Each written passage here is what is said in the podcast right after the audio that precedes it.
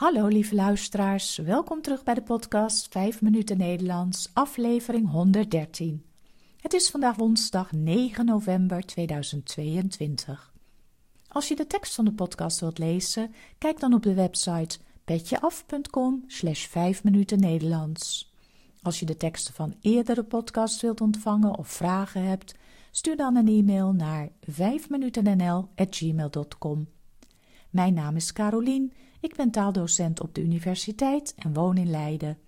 In deze podcasts vertel ik iets over mijn leven, over wat ik de afgelopen dagen heb beleefd of iets over de Nederlandse taal en cultuur. Aflevering 113. Wat is alles duur?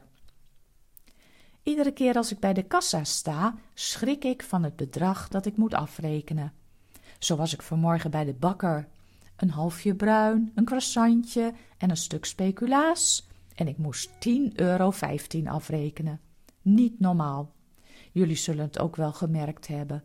De inflatie is momenteel torenhoog. Het CBS, het Centraal Bureau voor de Statistiek, berekent iedere maand de inflatie. In juli was dit nog 10,3 procent. In september al meer dan 17 procent. Het CBS vergelijkt dan de prijzen van een pakket goederen en diensten in de maand september van dit jaar met dezelfde maand vorig jaar. We hebben nu de hoogste inflatie sinds de Tweede Wereldoorlog. De gestegen energieprijzen zijn een belangrijke oorzaak. Gas en elektriciteit zijn fors gestegen. Mensen die een vast contract hebben met hun energieleverancier zullen het nog niet merken maar als het contract straks vernieuwd moet worden, moet je opeens veel meer gaan betalen. Het goede nieuws is dat we compensatie krijgen van de overheid. Er is een regeling dat alle huishoudens, ze noemen dit kleinverbruikers, in november en december van dit jaar een compensatie van 190 euro per maand krijgen. De uitbetaling van dit bedrag loopt via je energieleverancier.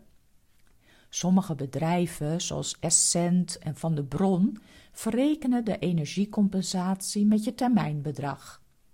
Stel dat jouw termijnbedrag 200 euro is, dan hoef je in de maanden november en december maar een tientje te betalen. Weer andere maatschappijen, zoals Eneco en Oxio, kiezen ervoor om de compensatie gewoon over te maken op je bankrekening. Halverwege de maanden november en december kun je het bedrag dan op je bankrekening verwachten. Het is de bedoeling dat de koopkracht van de mensen hiermee gestimuleerd wordt. Als we meer kopen, is dit immers goed voor de economie. En we boffen, want in de maand november zijn er heel veel acties in de winkels. Allereerst is er komende vrijdag Singles Day. Dit wordt gevierd op 11 november de dag waarop de meeste enen in een datum voorkomen. En het cijfer 1 wordt gezien als symbool voor alleen zijn. Vandaar Singles Day. Dit is overgewaaid uit China.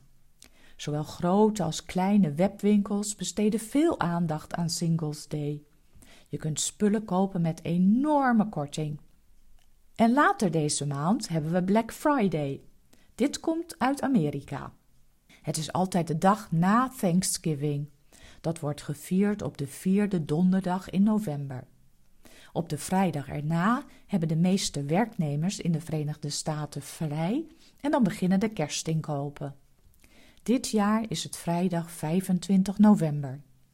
Er worden dan allerlei spullen met hoge kortingen aangeboden. Veel winkels gaan vroeg in de ochtend open en klanten staan dan soms al uren in de rij om een bepaald artikel tegen een zacht prijsje te kunnen kopen. In Nederland is Black Friday pas de laatste jaren enorm populair geworden, met name door acties bij grote winkelketens als bol.com en Mediamarkt. De eerste foldertjes met acties lagen vorige week al in de brievenbus. Ik ga zeker niet ergens in de rij staan. Maar misschien kijk ik wel even op een website of er nog iets leuks met korting wordt aangeboden. Dit was het weer voor vandaag. Veel dank voor het luisteren. De podcast is voor iedereen gratis, maar als je de podcast wilt steunen, bijvoorbeeld met een kopje koffie, dan kan dat via de website petjeaf.com. Ik wens jullie een hele fijne week, een fijne Singles Day en tot de volgende keer. Dag!